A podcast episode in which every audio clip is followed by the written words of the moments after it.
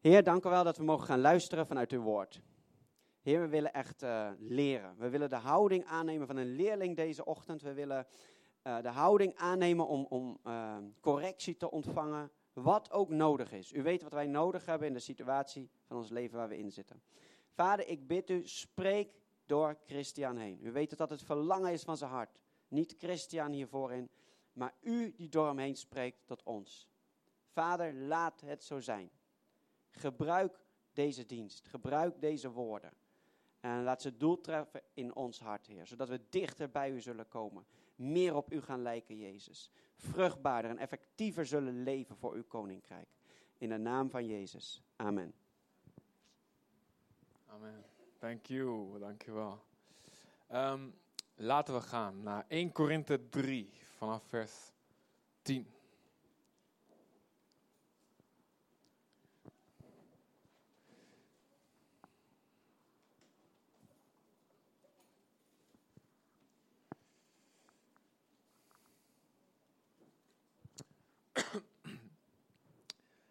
Yes, bladeren jullie nog tegenwoordig? Scrollen jullie? Of kijken jullie naar het scherm? Hoe werkt dat? Ik hoor niet zoveel geritsel meer.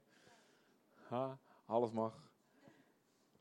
Als je maar thuis een echte Bijbel hebt. Ja, thuis op je telefoon, come on. Nee, dat kan niet hoor. Dat is, uh, je moet lekker kunnen krassen en zo. Niks doorstrepen, maar onderstrepen. Oké. um, overeenkomstig de taak die God mij, dat zegt Paulus, uit genade heeft opgelegd heb ik als een kundig bouwmeester, architect, het fundament gelegd. En anderen bouwen daarop voort. Laat ieder erop letten hoe hij bouwt. Want niemand kan een ander fundament leggen dan er al ligt. Jezus Christus zelf. Over op dat, dat fundament, op Jezus in jouw leven, nu verder wordt gebouwd met goud, zilver en edelstenen, of met hooi, hout en stro. Van ieders werk zal duidelijk worden wat het waard is. Op de dag van het oordeel zal dat blijken. Want dan zal het door het vuur aan het licht worden gebracht. Dat staat letterlijk omdat die dag in vuur verschijnt. En het vuur zal laten zien wat ieders werk waard is. Wanneer iemands bouwwerk blijft staan, zal hij worden beloond. Maar wanneer het verbrandt, zal hij daarvoor de prijs betalen. Hij zal schade lijden, staat er. Hij zelf echter zal worden gered, maar wel zo als door vuur heen. Hier spreekt Paulus over gelovigen, want er staat, wordt gebouwd op het fundament van Jezus. Dus dit gaat niet over ongelovige mensen die Jezus niet als fundament hebben. Um, maar op de dag van de Heer, de grote dag, um, die zal komen over de hele aarde, over iedereen die nu nog leeft, of iedereen die al gestorven is, die dag die zal komen, zullen ook het werk uh, van christenen zal door vuur beproefd worden. Um, en daar staat dat je kan bouwen, een bouwwerk op het fundament kan leggen met, hij noemt zes dingen. De eerste drie zijn goud, zilver of edelstenen of uh, kostbare gesteentes. Dat zijn alle drie dingen die um, door vuur zuiverder worden en die blijven staan. De tweede categorie, hout, hooi en stro, wat gebeurt als je die in de fik zet? Dan verbrandt dat. Um, en Paulus zegt dus, God zegt hier, er komt een dag waarin wat wij doen hier in deze 60 tot 100 jaar gemiddeld, laten we zeggen 80 jaar, 85 jaar gemiddeld. Wat wij gedaan hebben, het zal door vuur beproefd worden. Um, ik weet niet hoe je hier of je hier wel eens over nagedacht hebt. Um, het is dus mogelijk om christen te zijn, rechtvaardig te leven, um, echt een echt reddend geloof te hebben, maar toch schade te lijden op die dag. Als jouw werk beproefd wordt, als wat je gedaan hebt, de motieven waarmee je het gedaan hebt, hoe je naar de stem van God geluisterd hebt, wat jij gebouwd hebt door jouw leven heen. Al ben je geen officiële apostel zoals Paulus, al heb je niet eh, elke zondag een microfoon, je bent gewoon iemand op de achtergrond. Ehm, dat maakt allemaal niet uit, want God kijkt naar wat uh, jij hebt gekregen aan talenten, aan gaven, aan kansen. Wat je daarmee hebt gedaan of niet. Um, en ik kan me voorstellen, want zo denk ik soms ook best wel eens. Um, ja, jammer dan als jouw werk verbrandt. Maar goed, ik ben toch gered. ik kom niet in de hel, ik kom niet in het oordeel, ik ben toch bij God. Dus ja, dan maar een beetje meer een kleiner huisje. Of hoe moet je dat, wat voor vergelijking is daarmee? Kun je daarmee maken? Ik weet niet of het, ik zeg niet dat het letterlijk zo gaat. Dan maar een iets kleiner appartementje in de hemel. Uh, ik ben tenminste niet in die andere plek. Ja, toch? Dan kun je wel eens denken. Wie denkt wel eens zo eerlijk zijn? Ja, ja kan mij het schelen. Um, en natuurlijk wil God ook niet dat we uit, zeg maar, eeuwig egoïsme dingen gaan doen. Daardoor bouw je juist niet iets, iets van goud of zilver. Nou, ik ga hard werken hier op aarde, want straks kan ik iedereen. Ah, kijk eens mijn vette villa, kijk eens hoeveel ik heb. Ik ben beloond, kijk mijn dikke corona, kan ik ja, met die jaloezie, zeg maar, ik weet niet of je überhaupt de hele plek in komt. Dus um, je kunt hier misschien heel, heel uh, ja, ik weet niet hoe onverschillig of hoe verschillig je hier tegenover staat. Um, maar het is een feit, het is een Bijbels feit, dat er vuur komt over, um, die dag verschijnt in vuur, staat hier. God wil natuurlijk dat we niet alleen gered worden. Amen, God wil dat we gered worden. Yes, hij wil ten eerste dat je volhoudt in je geloof. Ja.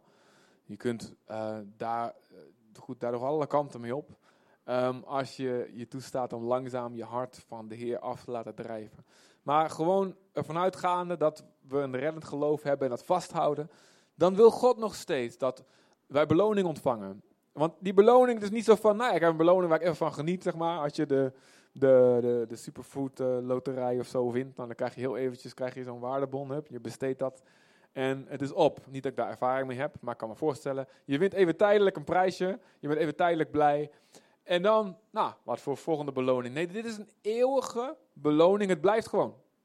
Na 25.000 jaar, als we nog in jaren rekenen, als dat nog, die tijd allemaal nog loopt, volgens uh, de wetten die wij kennen dan zit je nog steeds in de, ja, het, staat gewoon vast. Het is niet zoiets van, nou, wat kan ik nou nog eens doen om, uh, um, om dingen voor eeuwig te veranderen? Nee, alles wordt hier en nu bepaald. En um, ook Paulus zegt, als hij over deze dag spreekt, en dan spreekt hij echt uh, over het, hij weet, ik ben vergeven, mijn zonden zijn vergeven, ik geloof in Jezus. Maar nog steeds zegt hij, ik heb een ontzag voor de Heer, voor als die dag komt.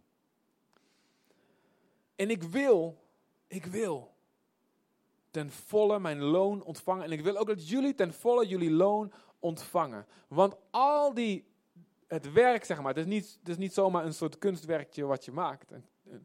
Um, het gaat allemaal om liefde. Het gaat allemaal om mensen die God eeuwig lief heeft.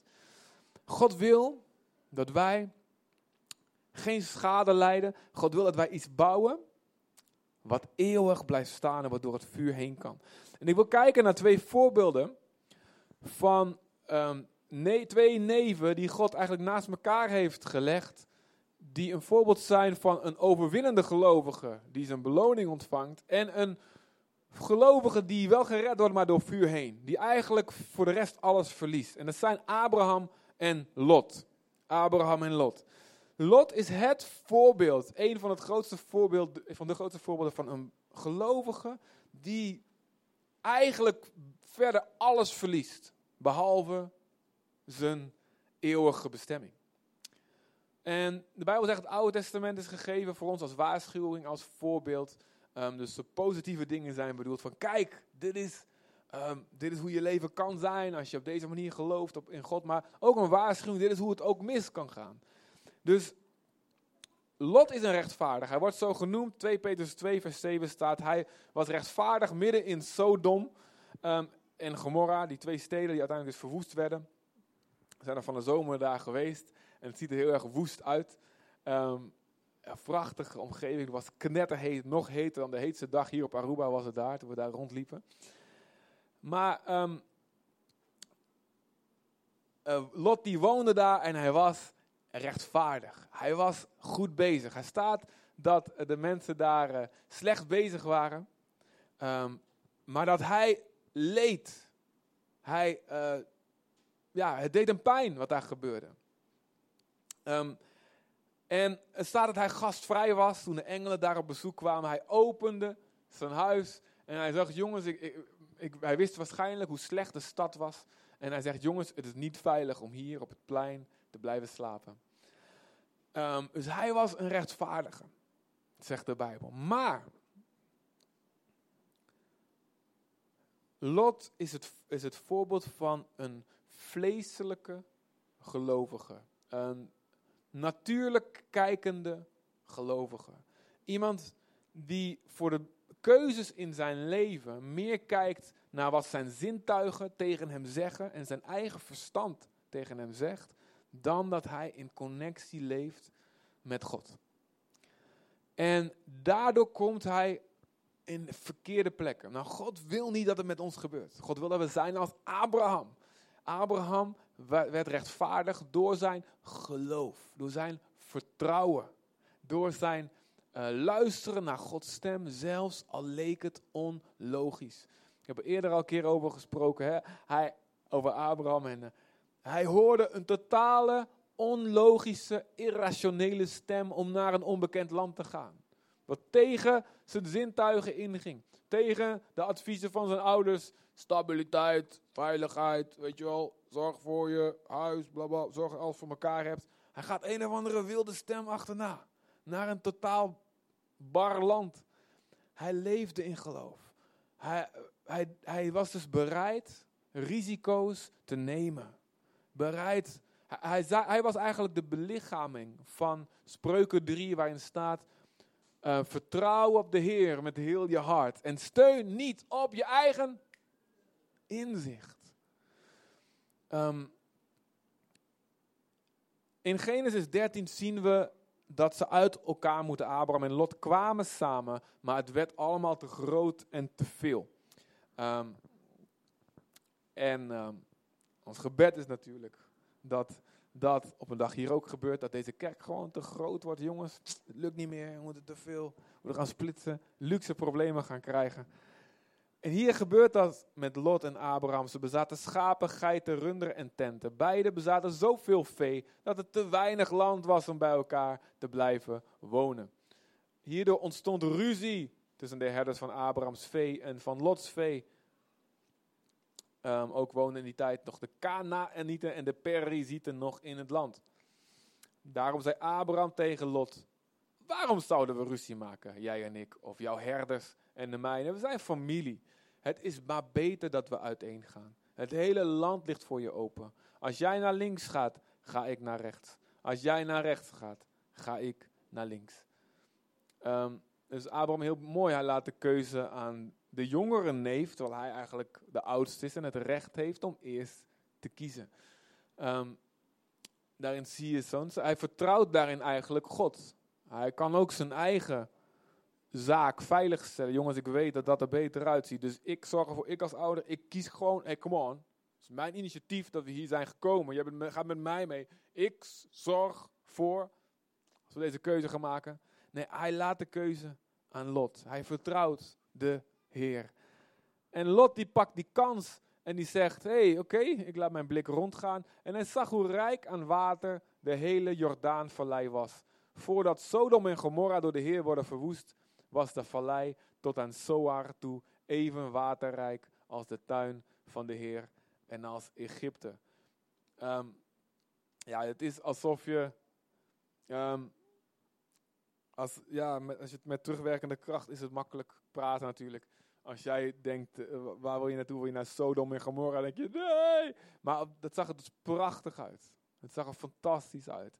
Het is net alsof je in 19, uh, begin van de jaren 80 zegt: Kom, we laten gaan een vakantiehuisje bouwen in Tsjernobyl. Of in, uh, tien jaar geleden in Fukushima, in Japan. Weet je wel, lekker bij die kernreactor. Je weet niet wat voor rampen gaat gebeuren. Dus hij kijkt met zijn natuurlijke ogen. En zijn zintuigen zeggen hem, dit ziet er goed uit. Dit moet ik doen. Hij vertrouwt op zijn eigen inzicht. En hij kiest wat het beste eruit ziet op dat moment. En het doet me denken aan Eva. Ja, Eva. Achterin. Doe me denken aan Eva.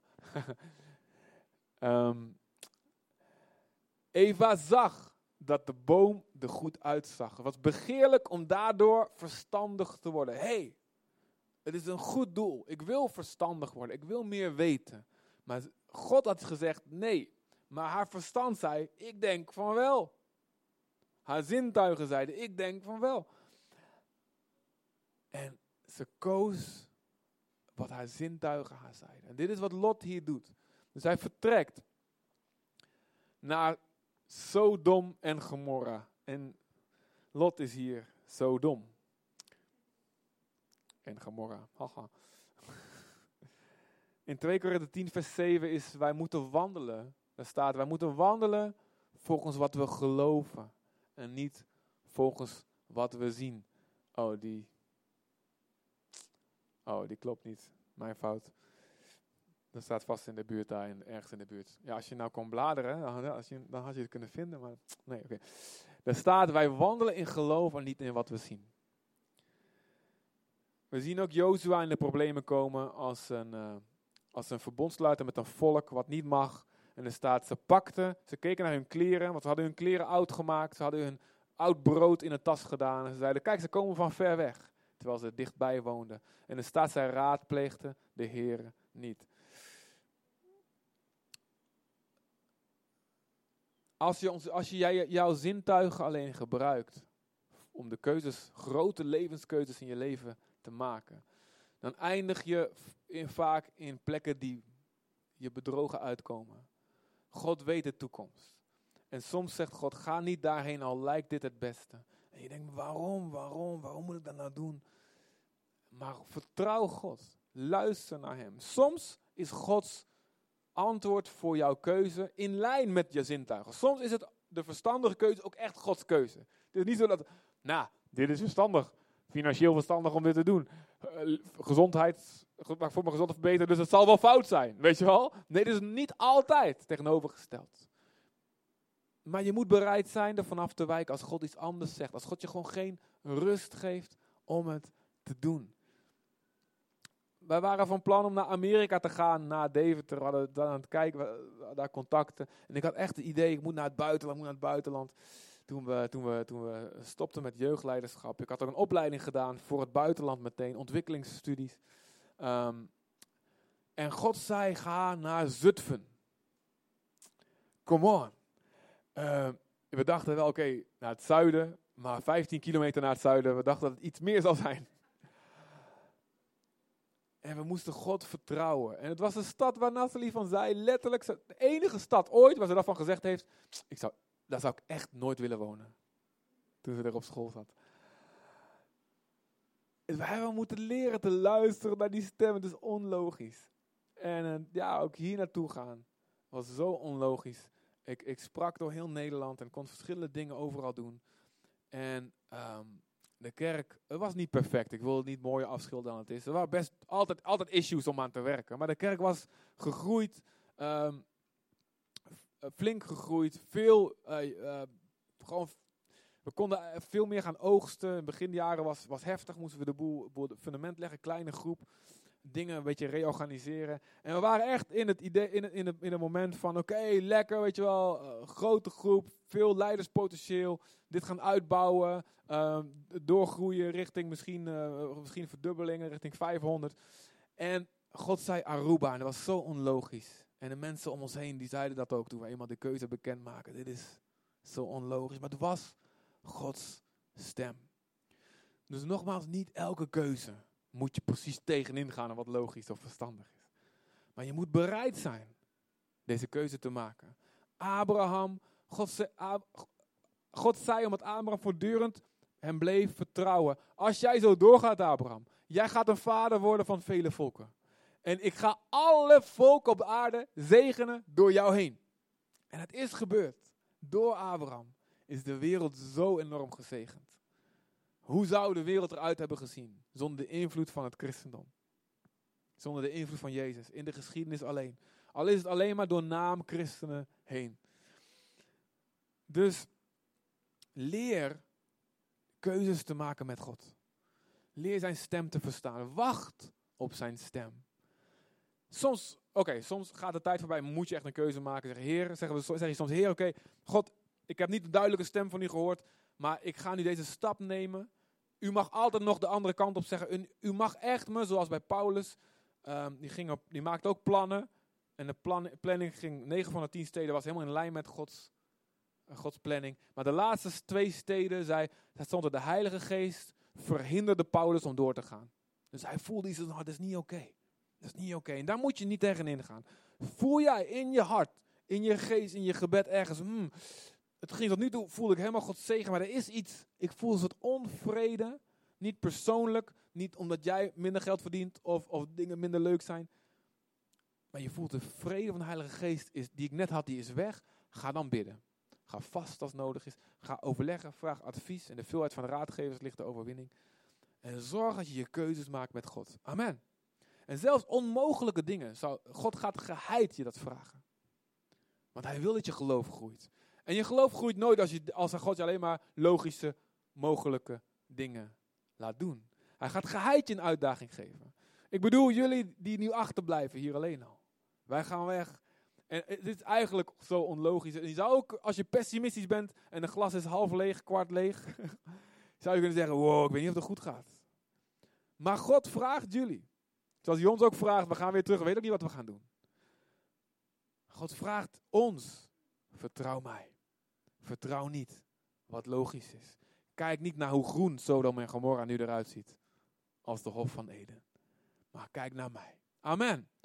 Kijk niet naar die golven en dat je daar helemaal niet op kan lopen. Ja, hallo, God kan wel wonderen doen. Maar op mij op water laten lopen, ik blijf in die boot. Luister, kijk naar Jezus en je loopt op water. Come on. Amen. En heel veel mensen zijn wel als Lot ook gelovigen. Maken hun keuze door te zeggen, ik wil niet dat doen, want die mensen bevallen me niet. Jouw persoonlijke voorkeur. Ze zijn niet mijn leeftijd. Ze zijn niet mijn cultuur. Ze zijn niet mijn stijl. Ze zij zijn extrovert, ik ben introvert of andersom. Um, zij zijn jong, ik ben oud of andersom. En we kijken naar de menselijke factoren en daarop onbewust maken we heel vaak zulke keuzes. Ja, toch? Ik wil niet bij die, dat is niet mijn cultuur. Ik, die cultuur bevalt mij veel meer. Iedereen wil naar vrolijke, blije culturen. ah, ik heb ook vrienden die willen graag naar koude landen en koude culturen. Dat kan ook, weet je wel. En heel vaak dus valt het best wel samen met hoe God jou gemaakt heeft. Maar niet altijd. En ik ken mensen die gaan weg bij kerken, want de, muziek bevalt me niet. Hé, hey, maar God heeft je daar geleid. En God bouwt je daarop in je leven. Ja, maar die muziek... De, de. En ik zeg niet dat je per se altijd moet blijven terwijl je zit zo... Oh, ja. Maar laat dat niet de bepalende factor zijn. Laat je leiden door de geest en niet door je persoonlijke cultuur, voorkeuren, je oren of wat dan ook. Die kerk is te rustig, die kerk is te druk, die mensen zijn te dit. Het zelfs maken mensen keuzes, christenen, om het eten wat ze kunnen krijgen bij bepaalde plekken. Echt waar. Mijn ouders hebben een tijdje kerk gehad, elke week hadden ze eten. Nou, er kwamen in één keer heel veel mensen bij. En, en toen ze stopten, toen ze maar één keer, één keer in de maand eten gingen, gingen al die mensen weer weg. Come on! Weet je wel, is dat een christen geleid door de Heilige Geest? Isaac. Weet je, Isaac, toen hij oud werd, was Esau zijn favoriete zoon. Omdat, staat er, omdat, want wildbraad was naar zijn smaak. Dus had hij de verkeerde zoon, de zoon die onverschillig was, die niks met God eigenlijk te maken wou hebben. Dat is een favoriet. Waarom? Hij kan zo lekker koken. Hij houdt maakt de barbecue. Terwijl Jacob, die zijn hart meer op God gericht was. Oké, hij was een bedrieger. Oké, hij had werk nodig. Hij zag het niet. Omdat hij luisterde naar zijn buik. En wat hij lekker vond. Wees niet zo iemand. Wees niet zo iemand. En letterlijk, Isaac werd ook blind. Ik denk dat het een symbool is voor, hij werd geestelijk ook verblind door zijn buik. Amen. Titus zegt, in Titus zegt Paulus, hun God is hun buik, spreekt hij over sommige christenen. Dus zeg maar buik, praat tegen je buik, pak hem vast. Buik. Ja, je wil luisteren naar de pastor. Buik. Je bent niet de baas. Amen. En weet je, en Lot één ding, hij laat zich ook leiden door angst. Dat zullen straks een stukje lezen. Ik vertel het vast. God zegt, ik zal, ga naar die stad, dan zal ik je beschermen. En God spreekt, ik zal je daar beschermen. Maar toch staat, hij werd bang. En hij vertrok nog verder weg. En daar gebeurde een enorme ramp. Omdat hij door zijn angst zich liet leiden. Gevolgen van iemand die alleen maar in zijn natuurlijke ogen zijn zintuigen gebruikt. Ook christenen dus. Om een keuze te maken. Het gevolgen daarvan zijn precies hetzelfde als bij Lot. Lot kwam in Sodom. En, omdat, en Sodom werd aangevallen. Een stukje van het oordeel van God kwam al als waarschuwing. En Lot werd ook ontvoerd door de vijand. En Abraham moest Lot redden. Ja, Abraham die kon vechten, joh. Echt waar. Je denkt zo'n kerel met een, ba- een baard en allemaal smurfen en zo, weet je wel? Of ben ik te oud? Ik- jullie snappen dat niet, voor jullie tijd. Abraham en de smurfen, ken je dat niet? Ah, ik zat wel ergens op YouTube. Vroeger had je vader Abraham en de... Oké, ik stop ermee.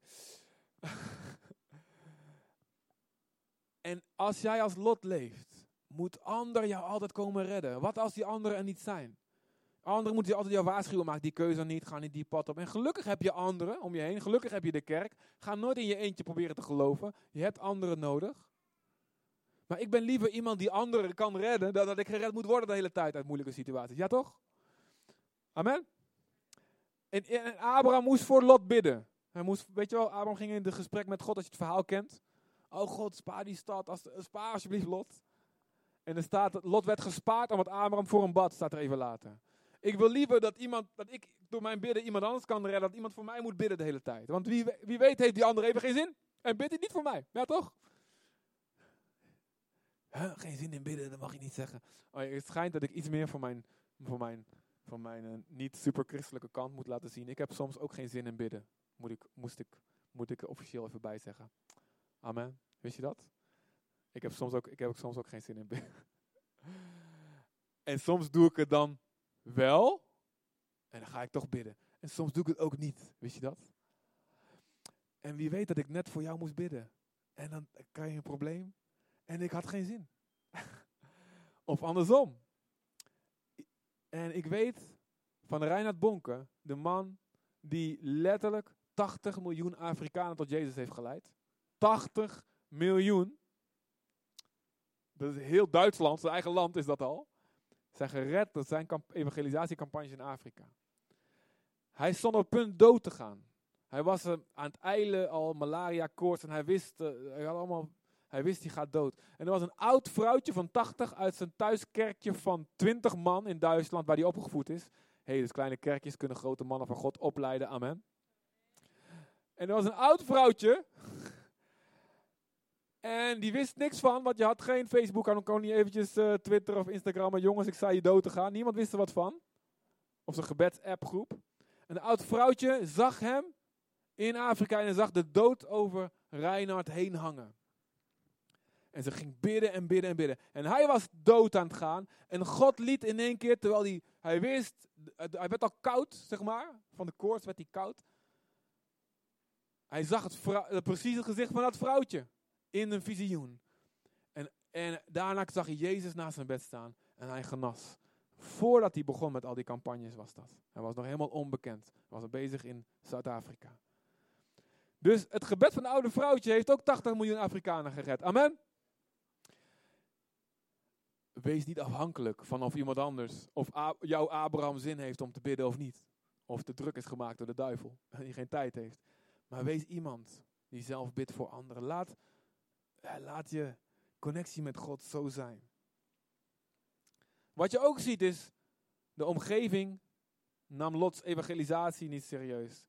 Wat je ook ziet is, we gaan straks even iets meer over, over zien. Zijn vrouw en zijn kinderen werden besmet met zijn zwakke geloof. En voor zijn vrouw en zijn kinderen werd het fataal. Hij haalde nog de hemel, zeg maar, maar zijn familie niet. Omdat hij niet zo sterk was als hij had kunnen zijn.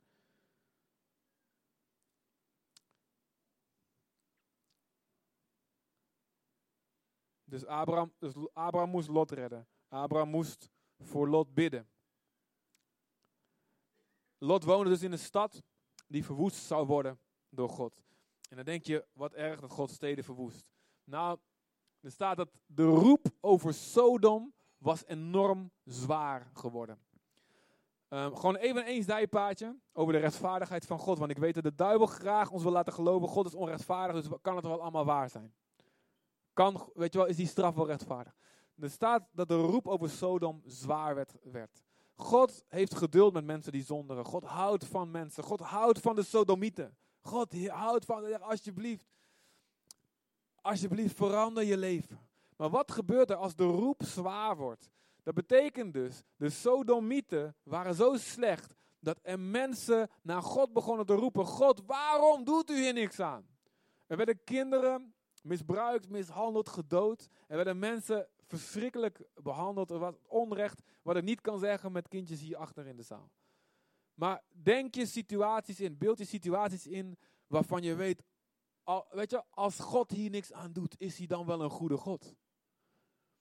Dus God ziet die mensen en hij houdt van ze en hij roept ze op tot bekering. Maar hij kan het ook niet eeuwig door laten gaan. Want er zijn ook mensen die roepen naar God. Alsjeblieft, doe er wat aan. Nee, nee, jongens, ik kan niks doen. Ik kan niet naar jou luisteren. Want ik, ik wil genade hebben. Ik wil nog meer genade hebben. En nog meer genade hebben. En, en, en ergens is er een grens dat God gaat zeggen. Ja, weet je, nou heb ik jullie zoveel kansen gegeven. Nou wordt die roep, die mensen die schreeuwen naar mij. Dat wordt zo groot. Ik moet nou hier iets aan gaan doen. En als je kans na kans na kans op bekering niet pakt, dan ga ik het veranderen. Dan ga ik ingrijpen. En dat punt had God bereikt. Dus onthoud altijd als God oordeelt, is dat ook vanuit zijn liefde. Als God oordeelt, is dat vanuit zijn liefde. Als God zegt, dit volk moet nu verdwijnen, is het omdat het volk zoveel kansen heeft gehad. In het, in het geval van de volken die in Israël woonden, 400 jaar lang kans hebben gehad.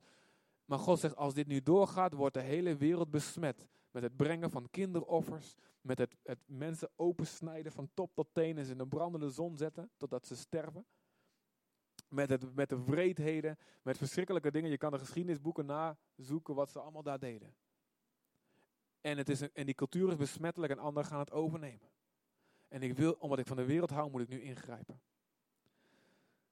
De, en Lot woonde daar tussen die mensen. En hij vond het verschrikkelijk, maar hij woonde daar. Had hij bij Abraham moeten blijven? Hij, misschien zou je dat kunnen zeggen. Staat er niet zo letterlijk in de Bijbel. Maar misschien had hij gewoon moeten blijven en zeggen: ah, Oké, wij, onze mensen hebben ruzie. Weet je, ik stel me gewoon onder jou, Abraham. En ik zie de hand van God is op jou. Had hij ook kunnen doen. In Genesis.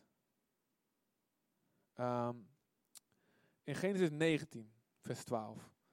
Daar komen dus de engelen naar Sodom. Twee engelen komen in de, en ze lijken op, gewoon verschijnen als mensen. En wat gebeurt er? De hele stad, er staat letterlijk niemand uitgezonderd, stond op de stoep om deze mannen, zeg maar, gewelddadig te, aan te vallen en seksueel te misbruiken. Ik, laat het even netjes zeggen. Kun je je voorstellen dat dat gebeurt in een stad? Twee vreemdelingen komen en, en dat gebeurt. En het was als het ware, en God, God zei, ik ga komen bij deze stad in de vorm van deze twee engelen en ik ga kijken wat er gebeurt. Als het ware, dit was hun laatste kans, hun laatste proef, hun laatste examen. En op dat moment stond het vast, dit gaat gebeuren, deze stad gaat verwoest worden. Ze vroeg, deze engelen vroegen aan Lot, heb je nog meer familie, zonen, dochters, een schoonzoon? Ga met iedereen die bij u hoort weg uit deze stad. Let op, dit zegt God tegen ons. De aarde zal geoordeeld worden over. Ik kan je zeggen, ik was 18 jaar toen ik de christen werd. En over mij hadden mensen al geroepen tot God.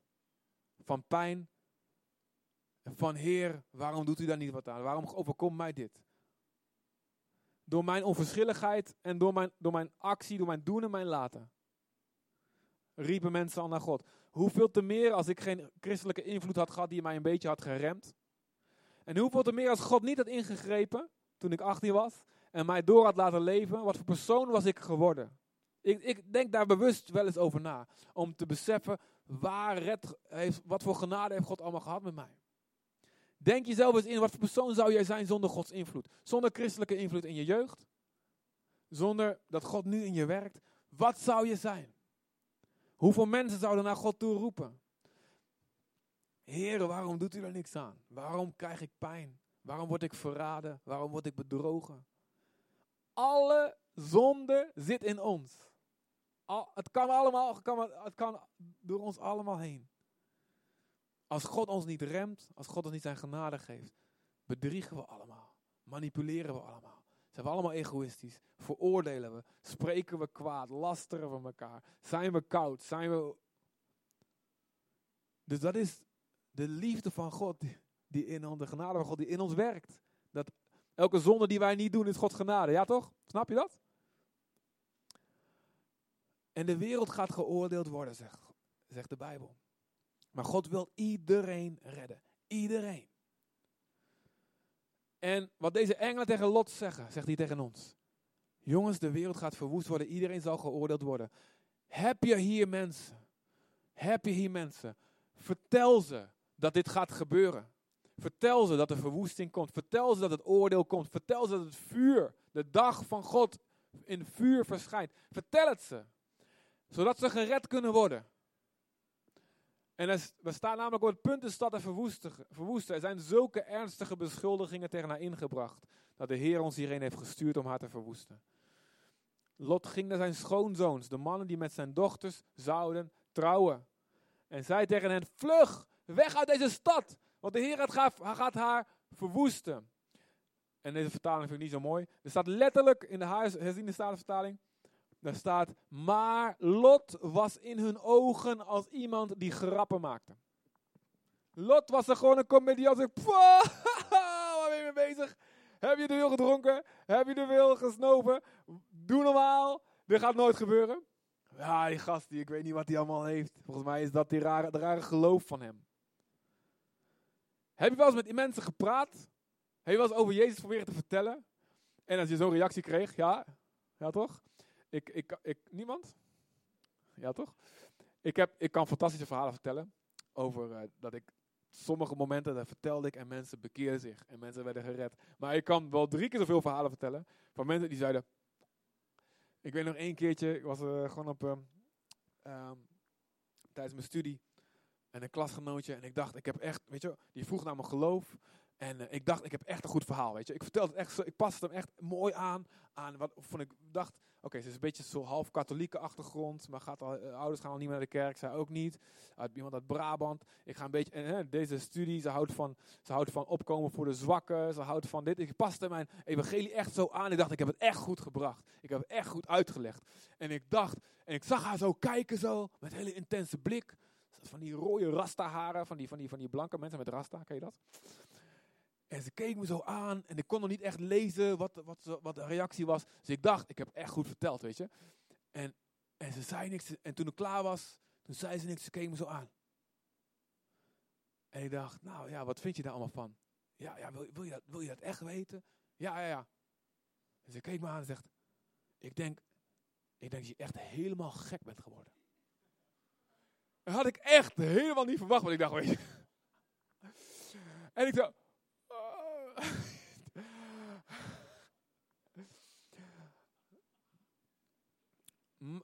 en we kunnen zeggen. Maar het niet grappige daaraan is, ik weet niet of dit meisje nog een kans krijgt.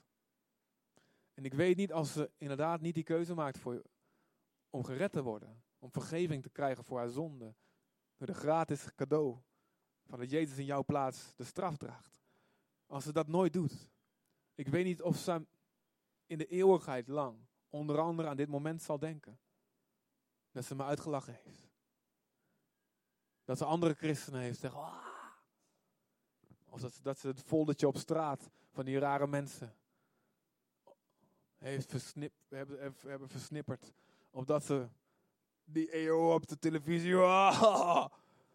Of dat ze de mensen die naar de kerk gingen hebben, hebben zitten kijken, oh, dat zijn al die mensen die zijn aan het blijven hangen in het verleden. Hoe, hoe vaak ze daaraan gaan denken. Dat is het erge. Maar ik denk ook dat God dit, in, dit over Lot in het verhaal zet. Om te laten zien, weet je, als jij als gelovige niet echt die belangrijke keuzes maakt op grond van je zintuigen en je eigen verstand en niet in vertrouwen op God. Als jij wel gelooft, maar je leven is niet bovennatuurlijk, je durft die risico's niet te nemen, dan is de kans groot dat jouw getuige, dat jou proberen te redden van anderen, niet serieus wordt genomen.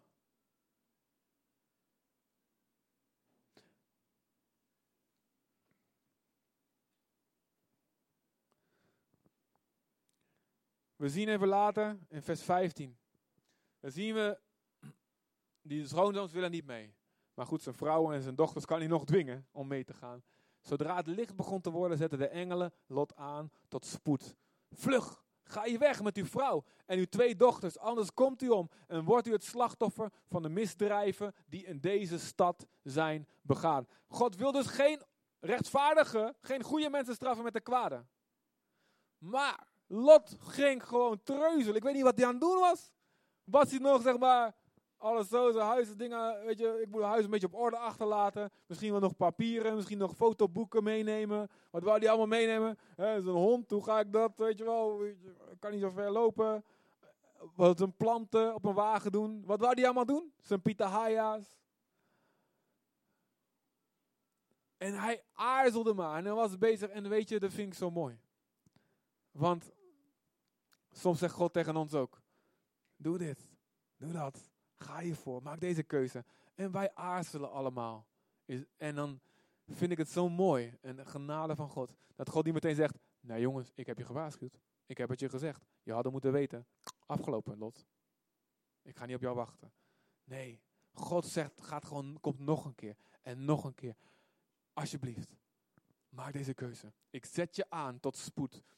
Je wil niet radicaal breken met deze gewoontes, met deze zonde. Je wil je leven niet veranderen. Het is gevaarlijk. En, ik heb het je gezegd, maar ik zeg het je nog een keer en nog een keer en nog een keer. Want God houdt van ons. En er staat, even later staat er, God wilde hem sparen. Hij wil het. En God wil ons sparen. Als de infectie, het zombie, apocalyptische zombie-virus ons begint te besmetten. God wil je sparen. En God zegt, bewaar jezelf. Leef rein, leef heilig, leef zuiver, blijf rechtvaardig. Ga niet geen klein compromis met de duivel, met de zonde, met onrecht, met onzuiverheid toelaten. Hij blijft aandringen. Hij aarzelt, Lot aarzelt, wij aarzelen. En God blijft aandringen. En er staat toen Lot aarzelde, grepen de mannen hem en zijn vrouw en zijn twee dochters bij de hand, omdat de Heer hem wilde sparen. En ze trokken hem de stad uit. Weet je, zo gewelddadige genade. Amen. God heeft soms gewelddadige genade. Yes! Dus dat betekent, je wil niet mee? Kom op, je gaat mee. Ik ga jou redden. En dat vind ik echt fantastisch.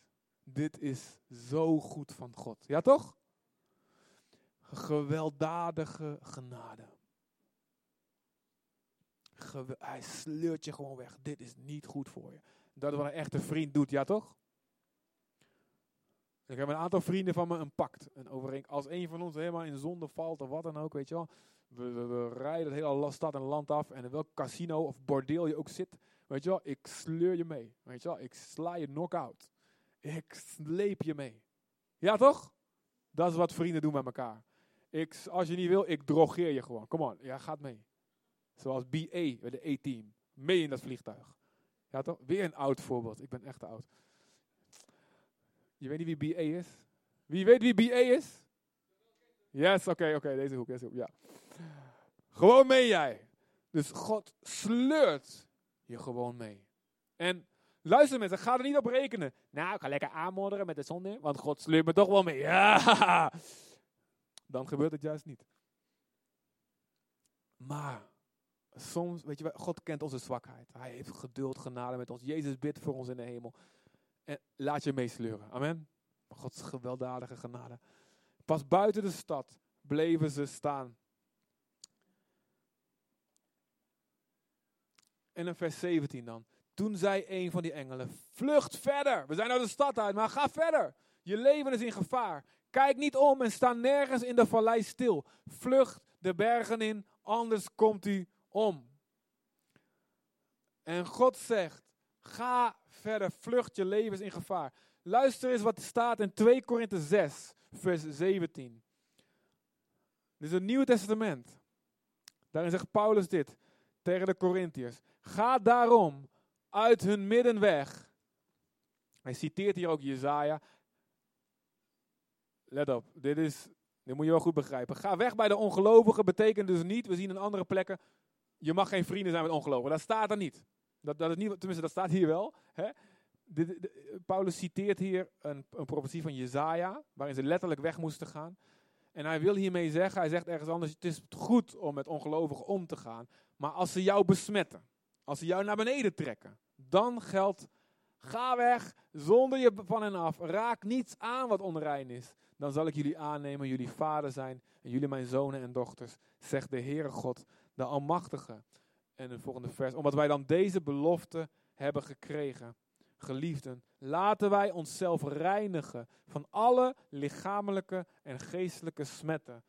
En zo de, onze heiliging volbrengen in het vrezen van God. Dus dit verhaal van vluchten uit Sodom staat voor heiliging. Het staat voor ontsnappen van zonde. Het staat voor steeds zuiverder en zuiverder gaan leven. Als God je aanspreekt, hey, dit, verander het. Hij doet het in zijn liefde en genade. Hij spoort ons aan, maar vlucht. Ga weg. En dan zegt God, sta niet stil. Wat kan dit betekenen? De, Bijbel, de uitspraak van Paulus die we net zagen, 2 Korinthe 6, een paar versen daarvoor gaat het over. Vorm geen ongelijk span met ongelovigen. Je kunt vrienden zijn met ongelovigen, maar je kunt niet trouwen met de ongelovigen. Dat moet je niet doen. Geen verkering nemen, want een, een, een levenspartner is iets wat zoveel invloed op jou heeft.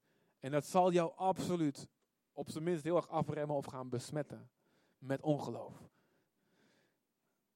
Dus dat is letterlijke context van dat vers. Maar dat kan ook gaan dus over sommige vrienden. Met heel veel vrienden, toen ik me tot geloof kwam, kon ik gewoon mee doorgaan. Maar anderen wist ik, en dat ging eigenlijk automatisch, dit gaat niet goed. Want deze willen en niet, helemaal niks naar me luisteren en ze lachen me uit. En ook als ik erbij zou blijven, trekken me terug de wereld in. En ik ga weer rare dingen doen die ik vroeger deed. Maar dit kan ook te maken hebben dus, als God zegt vlucht weg uit Sodom, kijk niet achterom, sta niet stil. Kan te maken hebben met jouw mediagebruik, met je televisie, met je YouTube, met je Netflix, met je films, met je series. Kan je er tegen? Kan je er echt tegen? Als je er tegen kan, prijs God.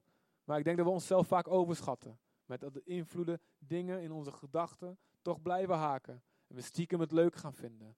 Dingen die God, waarvan God zegt, dit is onrecht, dit is fout, hier doe je anderen mee kwaad. Muziek, wat voor boodschap er allemaal in zit. Boeken, onderwijs, je vrije tijdsbesteding. Als de Heilige Geest in je hart spreekt, en weet je van binnen, hé, hey, is niet goed. Luister, vlucht voor je leven. Vlucht voor je leven. Zo extreem moet je dat zien. En dan zegt God, sta niet stil. En dan zegt Lot, antwoord Lot, oh dat haal ik nooit. Ik haal dat nooit. Vers 17. Uh, vers, uh, hij zegt, Lot antwoordde, nee, dat niet mijn heer. U hebt het beste met me voor. U bewijst me grote weldaad om in het leven te laten. Maar ik kan onmogelijk naar de bergen ontkomen. Dat is te ver. Het onheil zal me inhalen. Ik zal alsnog sterven. Dat stadje daar, kijk daar, dat is dichtbij. Dat zou ik kunnen halen. Geef mij de kans daarheen te vluchten. Dat zou mijn redding kunnen zijn. Het is maar een onbeduidend stadje. En God antwoordde, ook in dit opzicht zal ik je ter willen zijn. Het is goed, dat stadje zal ik sparen. Dus hij zegt, God zegt, je kan het. Je kan overwinnen. Maar Lots geloof is zo zwak. Hij zegt, nee, dat kan ik nooit. Dat lukt me nooit. Ken je wel eens van die momenten dat God je een belofte geeft, of een profetie, of iemand moedigt je aan, of je ziet een voorbeeld die denkt van, dat haal ik nooit. Denk dan niet dat God zegt, zwak gelovige. Oh, nou, dat minacht ik. Nee, God zegt, ik snap het. Het is goed. We passen het aan. Dat betekent natuurlijk niet dat God liever had gewild dat, het wel, dat wel bepaalde dingen lukken. Maar heel vaak zijn wij gewoon zoals Lot. Amen, ik ook. Denk, dat, dat nog erbij, Heer, dat lukt me niet. Dat is te veel. En Gods genade is zo groot. Hij zegt, oké, is goed. Gaan we regelen. Maar Lots vrouw kijkt achterom. En Jezus noemt haar specifiek. Hij zegt, denk aan de vrouw van Lot. Jezus zegt in Lucas 17, vers 32, denk aan de vrouw van Lot. Als je je leven probeert te vast te houden, zul je het juist verliezen. Als jij dus denkt, ik ga vechten voor mijn leven hier op aarde, zul je je geestelijke eeuwige leven juist meer en meer kwijtraken. Maar als jij bereid bent je leven hier op aarde, je status, je eer, je eigen pleziertjes, je eigen maniertjes, bereid bent het los te laten als God het vraagt, zul je je eeuwige geestelijke leven winnen. Zoals Abraham dus deed, toen God zei, offer je zoon. Maar dat is mijn hele leven, Heer, u heeft mezelf gegeven. Maar ik zal u vertrouwen. Hij verloor, hij was bereid zijn leven te verliezen, het liefste wat hij had. En hij won het juist. En zijn zoon, hij heiligde zijn zoon juist door bereid te zijn hem te offeren. Wat jij bereid bent te offeren, daar kan God in gaan werken. En dat zet je apart, zodat God het kan gebruiken. Als jij bereid bent dus je eerstelingen, zelfs je geld te offeren. Je zegt, ik heb het hard voor gewerkt, dankzij Gods hulp. Maar ik ben bereid ook dit te geven. En dan zegt God, ik ga jouw geld juist apart zetten. Zodat het ook voor jou en voor het doel waaraan je geeft. Dat het eeuwig werk kan bereiken. En dat geldt voor alles eigenlijk in het leven. Als jij bereid bent je, je lichaam soms een beetje te disciplineren, wat dingen op te geven, dan gaat God zeggen, daardoor heilig je jouw lichaam. Als je bereid bent in je gezin voor God te kiezen, dan heilig je daarmee je gezin. Zo werkt dat. De vrouw van Lot was besmet in Sodom. Ze waren in Sodom gaan wonen, maar de vrouw was zo ervan gaan houden. Lot, die kon nog zeggen, oké, we gaan ervoor. Maar zijn vrouw, die keek om, want haar hart lag daar. En uiteindelijk werd ze een zoutpilaar. We waren daar in Israël en de gids zei, ja, er zijn wel honderd zoutpilaren die we allemaal aanwijzen. Ja, dat is er, dat is er, dat is er. Allemaal Chinese foto's maken, weet je wel. De echte is waarschijnlijk niet meer te vinden. Wat wel interessant is, dat in de tijd van Jezus, 2000 jaar nadat het gebeurd is, en 2000 jaar geleden, dus 4000 jaar geleden gebeurd, 2000 jaar geleden um, was de tijd van Jezus was dit hele gebied nog rokend en het was allemaal vuur en zwavel wat nog steeds brandde. 2000 jaar na dato, nu niet meer, maar destijds nog wel. Maar de vrouwen waren een zoutpilaar. Dus als ze een eitje aan het bakken waren, dan zeiden ze, ga even naar mama. En uh, dan halen we eventjes wat zout, wat peper erbij. Goed, geen leuke grap op moederdag. Nee, klopt, jullie hebben helemaal gelijk, dus jullie niet lachen. Liefde voor de wereld was hierna gekropen. Wat gebeurt er hierna? Lot vlucht nog verder. God zegt, ik zal de stadje sparen. Lot zegt, nou, maar ik vertrouw God ook niet. En hij gaat nog een stad verder. En waardoor zijn twee dochters zouden trouwen, weet je nog? Maar die schoonzoons die bleven. Ja, niet, en, ze, en we waren nog verder in de wildernis. En ze, ze wisten, we gaan hier blijven. Want onze vader wil nooit meer weg. En de twee dochters van Lot zeiden, wij kunnen nooit kinderen krijgen. Want we gaan nooit meer trouwen. Dus wat gaan wij doen? We gaan onze vader dronken voeren. Twee nachten achter elkaar. En zorgen dat we s'nachts een kind van hem kunnen, verwekt kunnen krijgen. En dit gebeurt er. Absoluut dus niet wat de bedoeling was. Door Lots angst waren ze te ver getrokken. Door Lots vleeselijke besluiten was het ook het geloof van zijn kinderen zo zwak. Dat ook zijn kinderen niet konden geloven dat God op een andere manier hun zou zegenen. En uiteindelijk komen uit die kinderen van die dochters en Lot twee volken voort. De Ammonieten en de Moabieten. Die later enorm veel last gaan geven aan Israël en aan het plan van God. Die enorm slecht leefden. Dus in plaats van Abraham een vader van vele volkeren, werd Lot een vader van vervelende volkeren. Welk volk wil jij voortbrengen met jouw leven? Wil je gered worden als door vuur heen?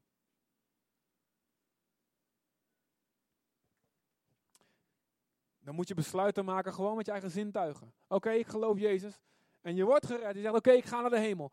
Maar het plan van God op aarde gaat verloren. Ik vorige keer ook over sprak. Maar ben je bereid als Abraham te leven? Gewoon van tevoren op ingesteld zijn. Ik wil in elk besluit God zoeken. En ik wil wachten op zijn antwoord. Ik wil leren niet geestelijk, niet, niet, niet natuurlijk te kijken. We hebben het allemaal. Ik weet nog zo goed. Laatste voorbeeldje. Wij gingen natuurlijk naar, naar Aruba en we gingen van, ook van giften leven. We hadden helemaal geen ervaring mee. En we kwamen bij een conferentie en er was een Amerikaanse spreker en hij was heel actief in zending. En we hoorden, hij zei nog in de preek, zei hij, onze kerk, weet je wel, wij geven 1 miljoen of 2 miljoen per jaar aan zendelingen overal ter wereld. En ik dacht, oh halleluja, dank u dat we hier zijn. Dank u dat we hier zijn, weet je wel. We hebben echt hulp nodig, we hadden nog bijna helemaal niks. Dus mijn natuurlijke ogen zeiden, daar moeten we zijn. Dus wij na de, na de tijd, weet je wel, uh, nog, oh hij is druk, hij is druk. Oh, wij, allemaal mensen die stonden in de rij bij hem te bidden. Ik dacht, nou, mm, oké, nee, nee, Chris, nee, niet, niet natuurlijk kijken, niet met natuurlijke ogen, niet hopen op mensen, niet vertrouwen op mensen, vertrouwen op God, vertrouwen op God, vertrouwen op God. Maar even later, eh, nog even kijken bij de koffie, ook allemaal mensen om hem heen. Weet je wat, ik ga me niet tussen wurmen, ik ga God vertrouwen. Terwijl wij het zo hard nodig hadden, weet je wel, we gingen bijna weg. En toch komt die angst in je, oh, ik ga niet genoeg hebben, ik ga niet genoeg hebben. En toen liepen we naar buiten, we gaan er niet meer heen. En in één keer stond hij voor onze neus. En begon hij met ons te praten. Hi, how you doing? Bla bla. En uh, so, tell me what you're doing in the kingdom. Oh, nou, we gaan dit doen. En ik dacht, nou, oké, dat is dan, kijk, God beloont ons. We zijn niet gaan zoeken. We zijn geen, niet al mensen aan de kant gaan duwen. Om, om, om, om, weet je wel? En God, hij komt zo voor onze neus. Dank u, Heer. Dank, ja, we gaan naar Aruba, we gaan dit en dat. En uh, so, oh, you need the missionary support, bla bla. Ja, ja, ja, ja. Nou goed, het zou heel fijn zijn, weet je wel. Oké, oké, give me your number. Dit is mijn nummer, schrijf mijn e-mail. En we gaan kijken wat we gaan doen. En helemaal, wow, fantastisch. We're gonna support you. Oh, dank u Heer, weet je wel. Dus wij allemaal, oh, zie je wel, zie je wel. God zorgt voor ons. Dus wij natuurlijk snel die mail schrijven, dit gaan we doen. Dag later. Oh nee, nog niks. Twee dagen later nog niks. En op een gegeven moment begonnen we elkaar zelfs. Begonnen we door het huis, zeg maar, in ons gebed en naar elkaar doen grapjes te maken. Uh, pastor, ik zal zijn naam niet noemen. Pastor, dit en dat. Kijk naar je mail. Pastor, dit en dat. Kijk naar je mail. Gingen we een soort van. Hij heeft nooit geantwoord. Maar weet je, God heeft voorzien. En voornamelijk door allemaal kleine giftjes. Die we dus van velen krijgen we nog steeds. En daardoor kunnen we überhaupt hier zijn van 5 euro, 10 euro per maand. Allemaal kleine oude vrouwtjes en mensen die eigenlijk heel weinig hebben.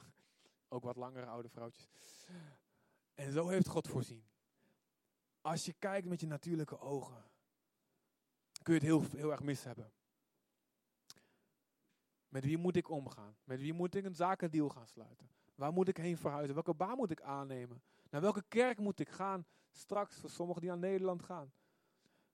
Hoe moet ik mijn keuzes maken? Grote, belangrijke keuzes die jou en je gezin raken.